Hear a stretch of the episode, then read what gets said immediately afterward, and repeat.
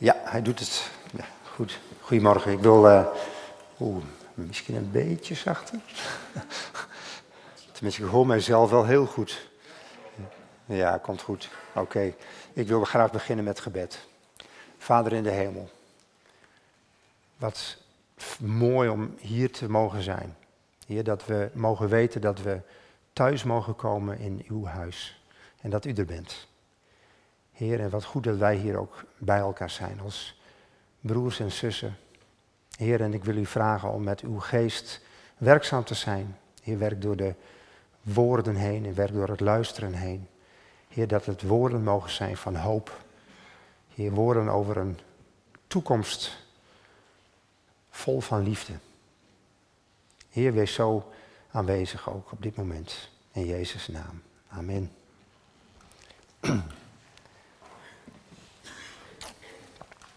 Gods toekomst kleurt ons heden. Klinkt misschien een beetje uh, cryptisch, maar ik zal het uitleggen. Ik denk dat wij heel vaak het idee hebben dat wij, uh, dat ons leven, wie wij zijn, sterk ook gekleurd wordt door wat we hebben meegemaakt. Wat er achter ons ligt. En dat is deels ook zo natuurlijk. We worden gevormd door onze geschiedenis. Maar eigenlijk hoop ik dat als je hier straks vandaan gaat, dat je ook de, wellicht de overtuiging hebt dat ons heden, wie wij nu zijn en wie we nu mogen zijn, dat dat misschien nog wel veel meer gekleurd wordt door Gods toekomst. Dus wij zijn niet een product van ons verleden, maar we zijn een product van Gods toekomst. Als we ons aan Hem toevertrouwen. Toen ik een kind was, toen uh, daar kon ik soms wel eens niet slapen en dan ging ik fantaseren. Ik weet niet of jullie dat ook deden, maar als kind dan bedacht ik allerlei verhalen, stoere verhalen, spannende verhalen, waarin ik zelf dan de hoofdrol speelde. Dan was ik of een cowboy of een ridder. En dan bedacht ik van alles wat ik meemaakte. Dat deed ik als kind. En als tiener veranderde het verhaal een beetje, dan werd het wat romantischer. En dan werd ik beetje een stoere held die dan een prinses bevrijdde of zo. Uh, heb ik uiteindelijk ook gedaan. Ik heb helaas de prinses vandaag thuis moeten laten, maar vanwege de kleinkinderen die logeerden. Maar het, het bezig zijn met de toekomst is denk ik iets heel menselijks. dat we allemaal hebben. Wij, wij, maken ons een voorstelling van de toekomst.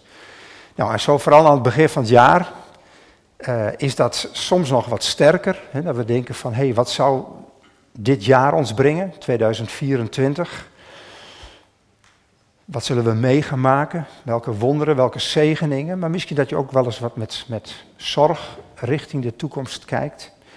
En ik denk dat het bezig zijn met onze toekomst, dat dat typisch iets van ons mens zijn is.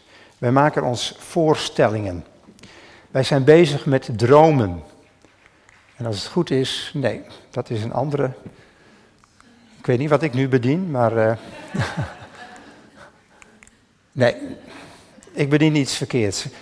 Anders dan probeer je gewoon mij een beetje te volgen in mijn verhaal. Ja, dit jochie, dat wou ik er even voor hebben. Dus uh, probeer maar af en toe uh, met mij mee te gaan achter de beamer. dagdromen.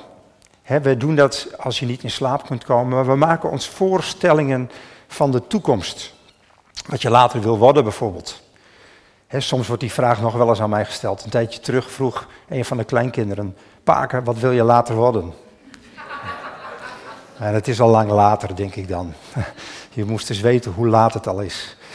Nee, maar wat wil je later worden? Je maakt je voorstellingen. En als kind lag de toekomst, wat mij betreft, helemaal open. Ik had nog een soort onbevangenheid. Ik kon als dat jochie bij wijze van spreken me voorstellen dat ik piloot werd, of dat je, weet ik veel, dierenarts of bakker, of wat je ook maar als toekomstbeeld hebt, het lag open. En dat is mooi. Alleen ik denk dat we nu ook wel eens in een tijd leven waarin de toekomst wat, ja, wat grauwer en wat grijzer is. Nou, wat ik in deze overdenking over na wil is dus hoe hebben verleden en toekomst invloed zeg maar, op ons heden. En wat bepaalt ons daar het meest in? Je mag de volgende sheet wel pakken. The future, the present in the past. Dus in hoeverre is ons verleden bepalend voor ons heden? Of in hoeverre is Gods toekomst bepalend voor ons heden? Nou, op, deze, op dit moment worden we denk ik heel vaak geconfronteerd met de toekomst. En dat is meestal niet heel optimistisch, moet ik zeggen. Ik, uh, ik kom steeds vaker mensen tegen die eigenlijk helemaal geen nieuws meer willen zien. Die kunnen het gewoon niet meer verdragen. En dat snap ik deels ook wel. Hè, want het nieuws is natuurlijk ook een flinke portie ellende wat er geconcentreerd op je afkomt. Ik zou zeggen van, als je het tot je neemt, alsjeblieft verdun het dan een beetje. dus het is nogal wat. dus de grote toekomst van de aarde. Nou, sommige geleerden zeggen dan van ja, het is, het is vijf voor twaalf voor deze wereld. En sommigen zeggen nou, het is al drie minuten voor twaalf. En sommigen zijn echt pessimistisch, die zeggen het is al twaalf uur geweest. En het klopt ook, als je naar de wereld kijkt, hè, wij als, als gelovigen hebben natuurlijk een andere visie. Wij hebben het niet over de eindtijd of de eind van, de, van deze wereld, maar over de terugkomst van Jezus. Ja, tuurlijk. Ik bedoel, er zijn tekenen. Het is echt, echt verontrustend bij tijden. Dus onze toekomst in het groot maakt je soms machteloos. Dat je denkt van, joh, wat gebeurt er allemaal? En wat komt er allemaal op ons af? Tenminste, ik denk dat hier ook wel mensen zitten die dat herkennen. En het gekke is dat als het om onze toekomst gaat individueel, hè, dus in het grote plaatje zijn we vaak onmachtig. Dan denk je, ja, wat heb ik nou van invloed op dat grote geheel? En als het om ons individuele leven gaat, lijkt het alsof we heer en meester zijn over ons leven. Hè, want ik weet niet of het jullie wel eens opgevallen is, maar bijvoorbeeld, uh, nou, je mag één plaatje nog weer verder, maar misschien moet je zelfs wel twee plaatjes verder. Nou ja, dit is dus eigenlijk die 5 voor 12 klok. En dan mag je nog, ja, deze. Ik weet niet of het jullie wel eens opgevallen is, maar bij open dagen van scholen, nou, ik zit zelf in het onderwijs, het hoger onderwijs. Uh, bij ons hebben we nu de nieuwste leus is be, original, dus wees een origineel. Nou, vind ik ook wel grappig. Het gaat dus, probeer zo, zo origineel mogelijk te zijn. Maar bij basisscholen zie je wel eens van dit soort leuzen. Hè, van uh, zijn wie je bent en groeien in je talent. Nou, prachtig. Maar word de beste versie van jezelf. Bouw aan jouw toekomst. En dan denk ik, dat is eigenlijk wel gek hè. Dus op wereldniveau hebben we een soort onmachtgevoel van... we gaan met z'n allen richting een afgrond. En op individueel niveau ben jij dus eigenlijk gewoon de schrijver en de producer van je eigen leven. Wees de beste versie van jezelf. Word wie je bent. Nou, dat soort leuzen. En dat is een gekke tegenstelling eigenlijk. Nou ja, er zijn natuurlijk genoeg redenen om af en toe pessimistisch te zijn. Afgelopen maandag hè, was het Blue Monday. Heeft er iemand last van gehad? Blue Monday. Ja, maar tegelijkertijd, en wij kunnen zeggen, ach, daar hebben wij geen last van. Nou, ik weet het niet, soms wel. Soms heb ik daar ook wel een beetje last van, maar goed, ik ben ook wel een beetje een melancholiek type. dus, nou, waar ik wil, naar wil kijken is van, hey, hoe heb je nou invloed, en wat zegt de Bijbel daarover, wat zegt God daarover, op wie we nu in dit, dit moment zijn. Dus hoe, hoe worden we eigenlijk gevormd? Goed. Zijn wij de auteur van ons eigen levensverhaal? Of zijn anderen de auteur van ons levensverhaal? Het hangt er maar net vanaf soms waar je geboren wordt. En ik kom regelmatig mensen tegen die eigenlijk uh, het moeilijk vinden, en die zullen hier ook zijn, om ontspannen, relaxed, vol hoop en vertrouwen in het leven te staan ze hebben bijvoorbeeld allerlei dingen meegemaakt die hun identiteit gevormd heeft. En dat is reëel, denk ik. Misschien heb je een moeilijke jeugd gehad. Misschien hebben je ouders je niet gegeven wat je nodig had. Misschien heb je verlieservaringen gehad. En wees gerust, dat klinkt een beetje cynisch, maar wees gerust. hoe ouder je wordt, verliezen ervaringen ga je meemaken. dus, en dat vormt je. Dus er zijn natuurlijk allemaal zaken die ons gevormd hebben in het verleden. Ook de positieve herinneringen. laten we dat natuurlijk ook beseffen. Dus ook de warme herinneringen hebben ons gevormd, hebben je wellicht zelfvertrouwen gegeven. Dat je beseft van ja, ik mag er zijn. Er wordt van mij gehouden. Ik ben geliefd. dus dat vormt je. Dat heeft invloed. En het is belangrijk denk ik om te beseffen dat we allemaal op een bepaald moment met ons rugzakje lopen. Hier zitten dus, eigenlijk zitten jullie hier ook allemaal met je rugzakje. En in die rugzak, en dan mag je even de volgende dia doen. In die rugzak zit bagage. En wij hebben in dat, zou je grofweg kunnen zeggen, heb je diamanten in je rugzak zitten. En je hebt keien, dat is het volgende plaatje, keien in je rugzak zitten. Nou, probeer die plaatjes eens even voor ogen te houden. En de diamanten, zou je kunnen zeggen, de diamanten, dat is het erfgoed. Met nadruk op goed. Dat zijn de dingen die je gekregen hebt van je ouders, van je grootouders, van de generaties boven je. dus de schouders waarop wij mogen staan. En diamanten, dat zijn kostbaarheden uit het verleden. Diamanten, daar zeg je van, die zijn van waarde, die zijn belangrijk. En die heb ik in dankbaarheid aangenomen. Daar ben ik blij mee. En je kunt je daar misschien iets bij voorstellen. De keien daarentegen, dat is ballast. En de keien, zou je kunnen zeggen, dat is erflast. En dus je hebt erfgoed en je hebt erflast. En de erflast, dat zijn die dingen waarvan je denkt van ja, dat heb ik van mijn vader of dat heb ik van mijn moeder. En ik ben er niet zo blij mee. En ik vind het al helemaal storend als mijn partner, partner mij daarop attendeert. Je bent ook precies je moeder. Of je bent ook precies je opa. Keien. Nou, belangrijk is dus, want dat is, dat, dat, heeft, dat is vanuit het verleden, dat is de bagage die je meeneemt. Hè? Dus het is belangrijk om daarbij stil te staan. dus wat zijn voor jou diamanten? Wat zijn de zaken waarvan je zegt, die heb ik in dankbaarheid ontvangen? Ik ben blij dat God me die via mijn ouders of via mijn grootouders gegeven heeft. En die wil ik ook met alle liefde doorgeven. Nou, je probeert misschien daar iets bij voor te stellen. Mijn vader bijvoorbeeld had een, een bijzondere vorm van humor. Droge humor. En ik herken dat ook wel bij mezelf. Ik herken dat ook bij mijn broers. Iets minder bij mijn zussen, dus misschien is het ook wel een beetje mannenhumor. En tot mijn grote verrassing zie ik dat af en toe ook weer bij mijn kinderen terugkomen. En dat is zo'n diamant. Daarvan zeg ik, dat is mooi. En ik hoop dat dat door blijft gaan. Dat is een diamant. Maar aan de andere kant, mijn vader kon soms ook heel cynisch en bitter zijn. Soms zat er ook een heel smal stukje tussen. Hè? Dus je hebt soms humor. En dan kan het ook net te veel worden en dan wordt het sarcastisch. Dan wordt het negatief, dan wordt het bitter. En dat vind ik een kei. En ik heb bij mezelf wel gemerkt dat ik het meest cynisch kan zijn over de dingen die mij meest na aan het hart liggen.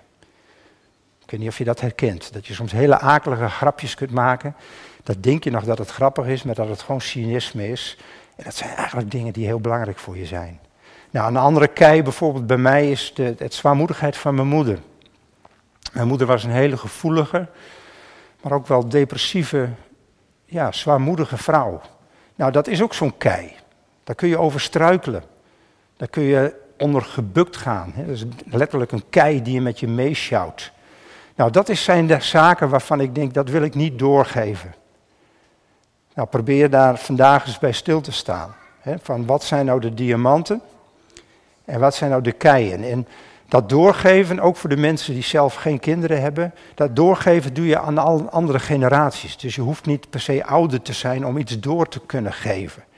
we geven van alles door. Goed. Keien en diamanten. Ik ga naar een tekst in Jesaja, dat is een hele bekende tekst.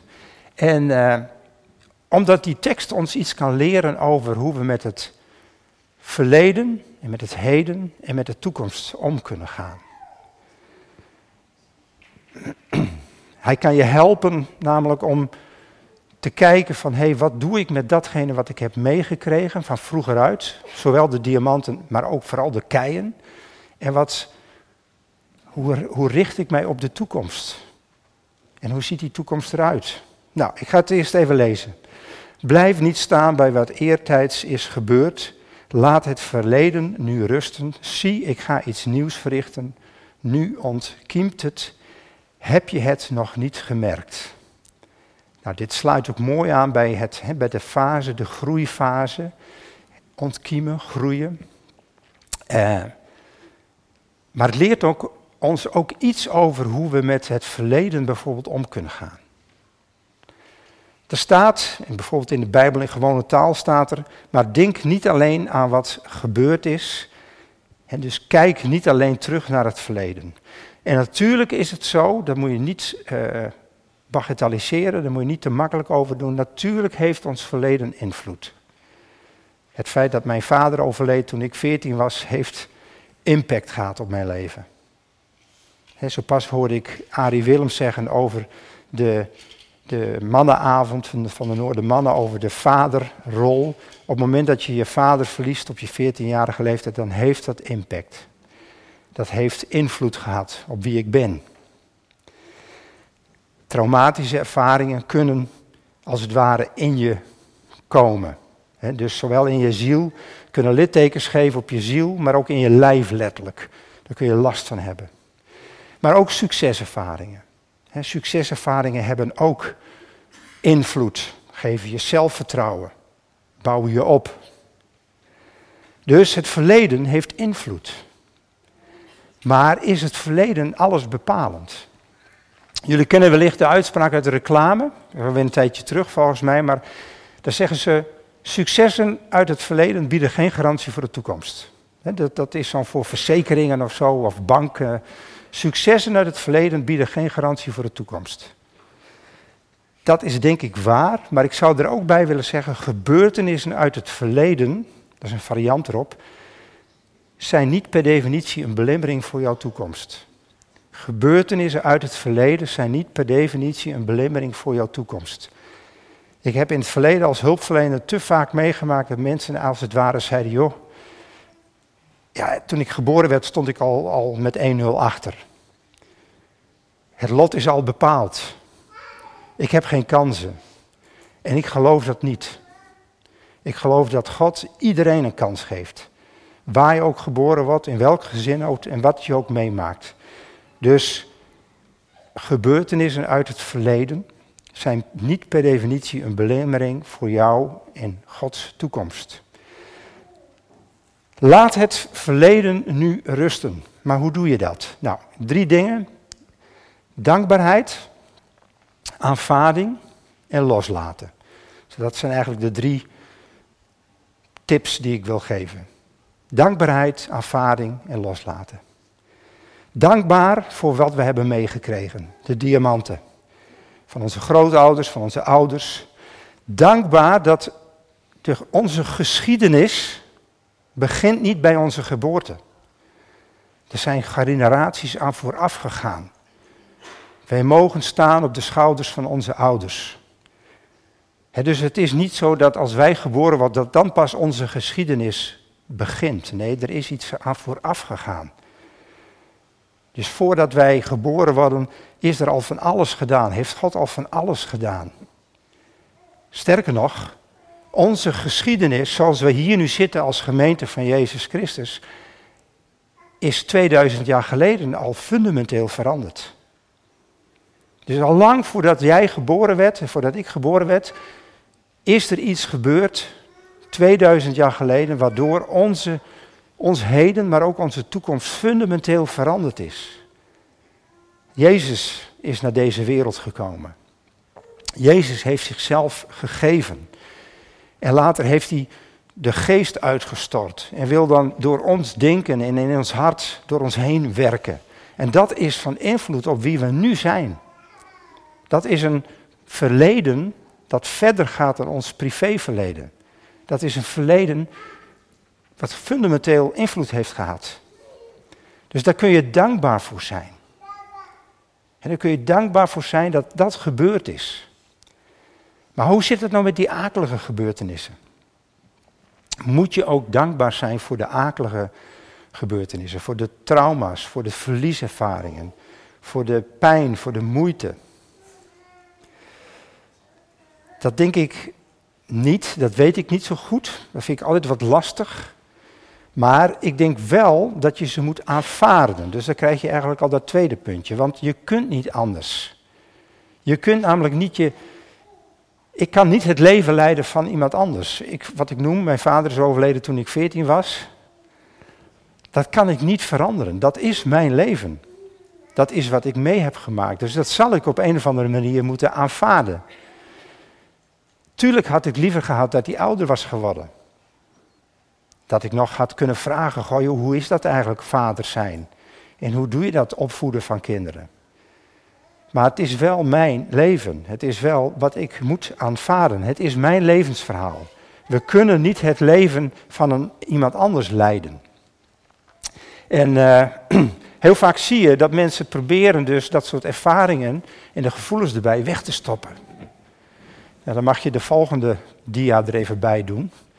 Ja, nog eentje verder. Ja, deze. Wat wij soms doen met dat soort herinneringen is, is als een strandbal die je onder water wil houden. Ik weet niet of je daar iets bij kunt voorstellen, maar dan heb je een strandbal. En het is juist zo'n soort strandbal. Ik had er eigenlijk één mee moeten nemen, maar ja, ik heb hier ook geen water. Dus. Maar dan, dat deden we als kind wel eens. En dan gooi je over en dan stop je die bal zo onder water. En dan is zoiets van, ja, waar is die bal gebleven? En dat hou je een tijdje vol. Nadeel is dat je je handen zeg maar niet meer kunt gebruiken, want zodra je loslaat, dan ploep, is die bal weer boven water. Nou, ik zie dat soms mensen, en ik doe dat zelf ook wel eens, dat je met gebeurtenissen die moeilijk zijn, die vervelend zijn, die heftig zijn, dat je eigenlijk het liefst die onder de oppervlakte wil duwen. En dat je denkt, ik stop die weg. Maar dat is vreselijk onhandig. Namelijk, je bent je handen kwijt. Je kunt niet meer ontvangen. Want zodra je eigenlijk je handen weer wil gebruiken, ploep, daar is het weer. Het is drijft je naar de oppervlakte en het komt vaak op de momenten dat je het eigenlijk niet wil. Aanvaarden van wat er gebeurd is, is als het ware die bal oppakken. En zeggen, ja heer, en ook tegen de mensen die je lief zijn, ja mensen, dit is mijn leven. Dit is wat ik heb meegemaakt. En soms zijn het gevolgen van eigen stomme keuzes. Soms zijn het dingen die je overkomt. Maar dit is mijn leven. Dit is wat ik in handen heb. En op het moment dat je dan voor je ziet en het erkent en het aanvaardt, dan mag je het loslaten. En dat is mooi, want dan zegt bijvoorbeeld in Petrus zegt dan op een bepaald moment, werp al je bekommernis, dat is de volgende tekst volgens mij. Mag even door. Ja, nee, dat is hij niet. Ik heb hem niet op de sheet staan. Maar de tekst van Petrus die zegt, werp al je bekommernis op hem. Want hij zorgt voor je. Hij zorgt voor u. En dan stel ik me zo voor dat je die bal niet meer onder de oppervlakte hebt, maar je hebt hem gepakt, je hebt hem voor je en je werpt hem op hem. Dus loslaten is niet van, nou ja, zoek het maar uit. Loslaten is overdragen. En reken maar dat Jezus goed kan vangen. Jezus kan heel goed vangen. En hij gooit de bal niet terug. Hij zegt, ik wil dat wel bij me houden. Ik denk dat dat een manier is om met name met die akelige gebeurtenissen om te gaan. Dus ons verleden heeft invloed, maar we kunnen dankbaar zijn voor wat we ontvangen hebben. We kunnen aanvaarden. er komt iemand naar me toe kruipen. Hallo. We kunnen aanvaarden in een plek geven wat ons beschadigd heeft, maar we mogen het gelukkig ook loslaten en op Hem werpen. Goed, Even weer terug naar de tekst. Blijf. Leuk dat je er bent, eh, Niels. Blijf niet staan bij wat eertijds is gebeurd, laat het verleden nu rusten. Ik heb er nu even vet gedrukt. Zie, ik ga iets nieuws verrichten. Nu ontkiemt het. Heb je het nog niet gemerkt? Er staat twee keer heel expliciet het woordje nu. Niet gisteren, niet morgen, nee nu. En dat vind ik wel een interessante. Want waar kruisen het verleden en de toekomst elkaar? Nu, hier. Gisteren is voorbij, morgen is er nog niet gekomen, maar nu, nu zijn we er. Ik spreek wel eens met mensen, en vooral in, in, in, in werksfeer, collega's, die, uh, die doen aan een cursus mindfulness.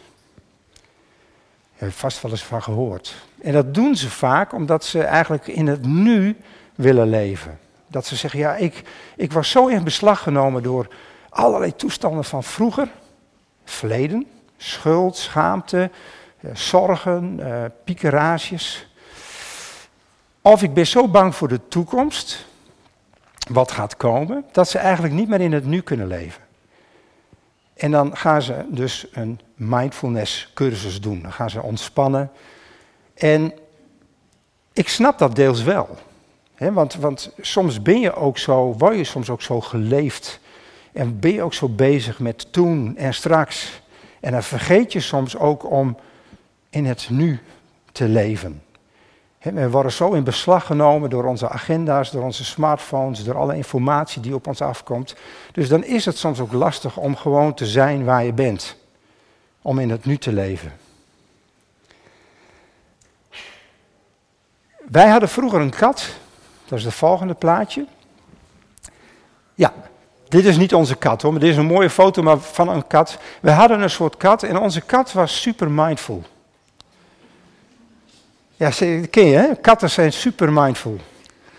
Honden iets minder, maar die kat die was zo mindful. Die kon dan, ik kon er met jaloezie naar kijken. Dan, zat ze daar, dan lag ze daar gewoon in een soort, ja, een soort onbevangenheid. Niets, geen zorgen maken over de toekomst. Ik heb mijn kat nooit kunnen betrappen op schuldgevoel met betrekking tot het verleden. En die lag daar dus gewoon te zijn. En wat ik zeg, die was super mindful. En, dat, en toen dacht ik wel eens, oh, soms kun je aan dieren, en ik denk dat Jezus dat ook zei, van kijk naar de vogels in de lucht, kijk naar de bloemen op het veld. Zij maken zich geen zorgen over de dag van morgen. dat was dus Jezus die, dat was niet een soort, soort aanbeveling van mindfulness, maar het was een soort Christfulness. Dat hij zei van, wees vervuld met mijn geest en ik ga je dat nu in het heden geven. En af en toe kon ik daar gewoon van, van leren van onze kat. Want die lag daar dan rustig, heel meditatief, zeg maar, in het zonnetje. En ik vond het echt geweldig. Dat ik dacht van, oh, waarom kan ik dat niet? En toch, toch denk ik dat het niet helemaal ideaal is. Misschien zijn hier mensen die heel erg goed in het nu kunnen leven. Maar stel je voor dat je alleen maar in het nu leefde. Ik heb een filmpje op YouTube gezien van een man die had een hersenbeschadiging en uh, die kon nog maar 30 seconden onthouden.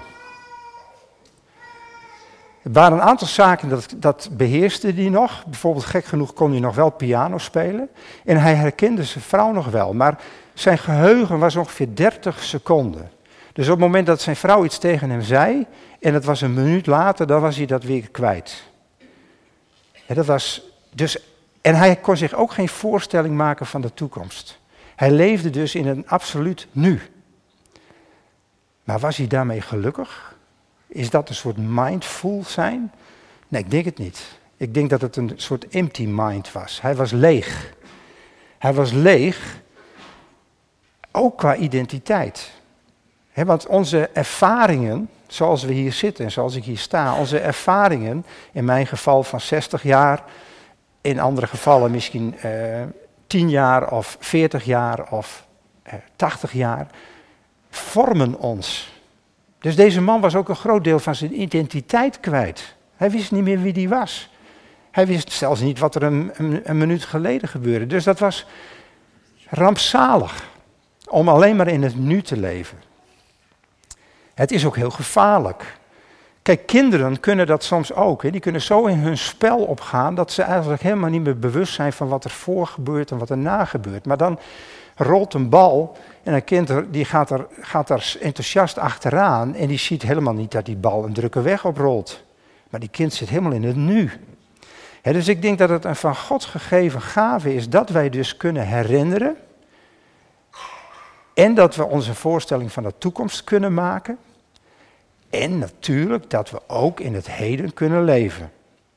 dus, dus die moet je niet tegen elkaar uitspelen. En natuurlijk is het soms goed om echt op dit moment te beseffen van wie je bent, wie je mag zijn, dat het goed is. Goed. Oké. Ons verleden wordt dus bepaald, of ons heden wordt dus bepaald door ons verleden. En onze visie op de toekomst.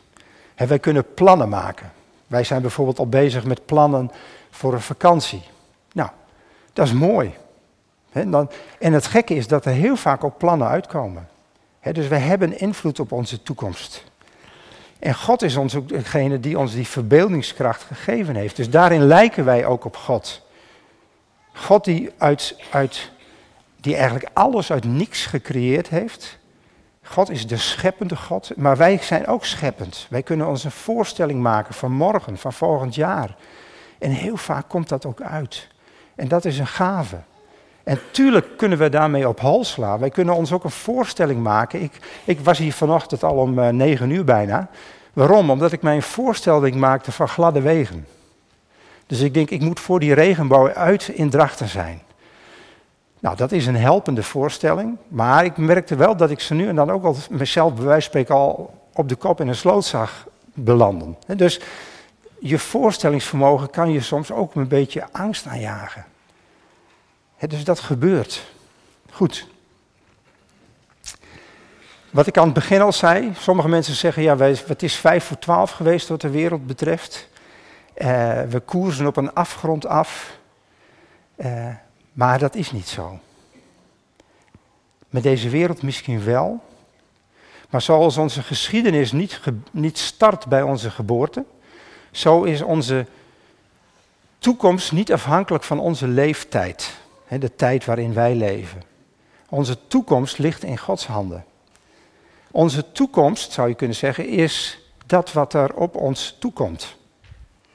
Of onze toekomst is Hij die naar ons toe kwam naar ons toe komt en naar ons toe zal komen.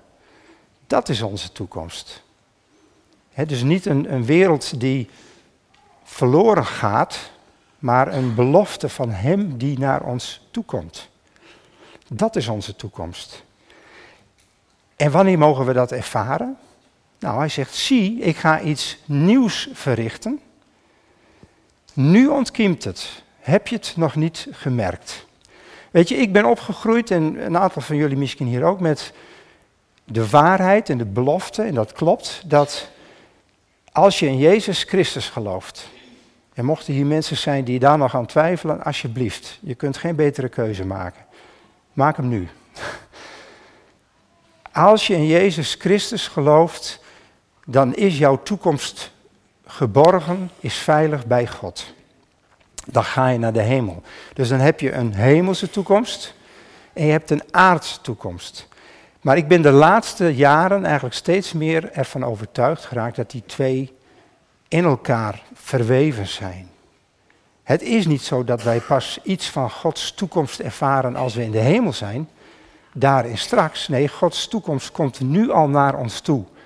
In ons heden, hier. God is aanwezig. Ook hier in de gemeente. Gods toekomst begint niet straks. Gods toekomst is al lang begonnen. Gods realiteit is hier. En kleurt, hè, en vandaar ook die eerste sheet met die potloden, die kleurt ons leven. Als je leven soms grauw en grijs is, reken er maar op dat Hij het inkleurt. Dat Hij er iets moois van maakt. En dat doet Hij niet pas straks, nee, dat doet Hij nu al. Hij kleurt ons leven in. Alleen je moet er wel oog voor hebben. Hij is iets nieuws aan het. Hij is iets nieuws begonnen. Heb je het nog niet gemerkt? Soms kunnen we daaraan voorbij gaan. Hè? Dus dan, dan, dan heb je dat zicht op dat ontkiemen eigenlijk een beetje uit het oog verloren. En onze opmerkzaamheid maakt dat we het kunnen zien. Bij elkaar, bij onszelf. Heb je het nog niet gemerkt? Heb je het nog niet gezien? Alsjeblieft, doe je ogen open.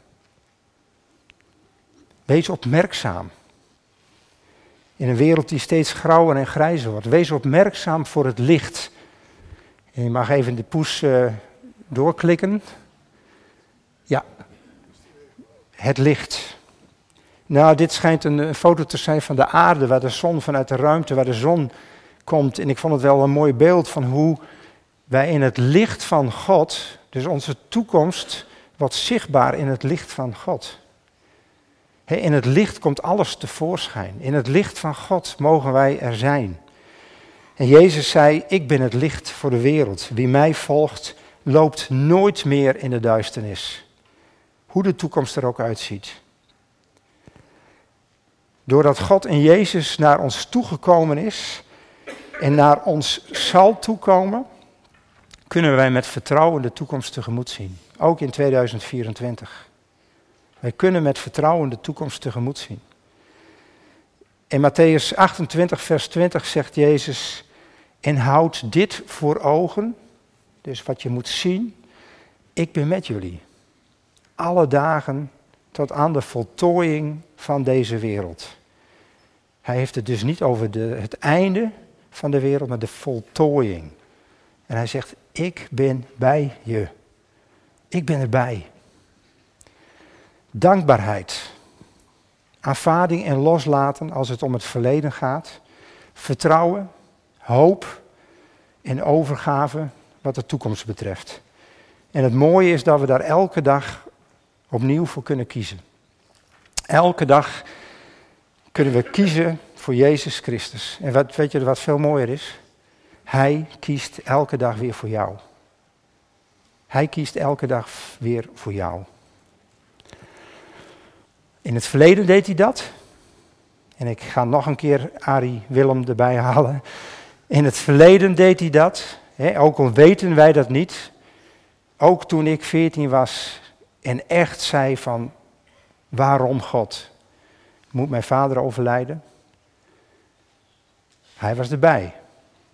En op het moment dat je de meest idiote keuzes maakt, vanuit pijn of vanuit frustratie of vanuit lust of weet ik veel wat, hij is erbij. En op dit moment is hij erbij en in de toekomst zal hij er ook zijn. Een Nederlandse dichter schreef, in het verleden ligt het heden in het nu wat worden zal. En dat, dat klinkt heel waar, maar dat is niet het enige wat waar is. Misschien als het om deze wereld gaat wel. Maar ik zou eigenlijk willen zeggen van, niet het verleden bepaalt het heden, maar in Gods toekomst is bepalend voor ons heden en voor wie je nu bent. Blijf niet staan bij wat eertijds is gebeurd. Laat het verleden nu rusten. Niet verdringen, niet wegstoppen, nee, laat het rusten. Zie, ik ga iets nieuws verrichten. Nu ontkiemt het. Heb je het nog niet gemerkt? En houd dit voor ogen. Ik ben met jullie alle dagen tot aan de voltooiing van deze wereld. Dankbaarheid en aanvaarding voor je verleden, vertrouwen en hoop voor Gods toekomst maken dat wij nu volledig in het nu kunnen leven. Laten we bidden. Vader in de hemel, ik dank u dat u alle tijden in uw hand houdt, Heer. Ons verleden, ons heden, onze toekomst. En Heer, als we zo aan het begin van dit jaar ook weer vol verwachting, maar misschien ook wel eens met zorg naar de toekomst kijken, naar het jaar wat voor ons ligt. Heer, mogen we ons aan u toevertrouwen. En Heer, we danken u. We danken u voor al het goede wat u gegeven hebt. Heer, we danken u voor de diamanten. Heer, de waardevolle schatten die we ontvangen hebben en die we door mogen geven. En we danken u, Heer, voor al het goede. En help ons, Heer, om het moeilijke, het verdrietige te zien, er samen met u naar te kijken en het los te laten, aan u toe te vertrouwen. Heer, en wilt u ook met de mensen die hier zitten en met ons ook in de komende week bij ons zijn. Heer, en dat we af en toe ook in het nu kunnen leven en kunnen zeggen, dank u Heer dat u er ook nu bij bent. In Jezus' naam. Amen.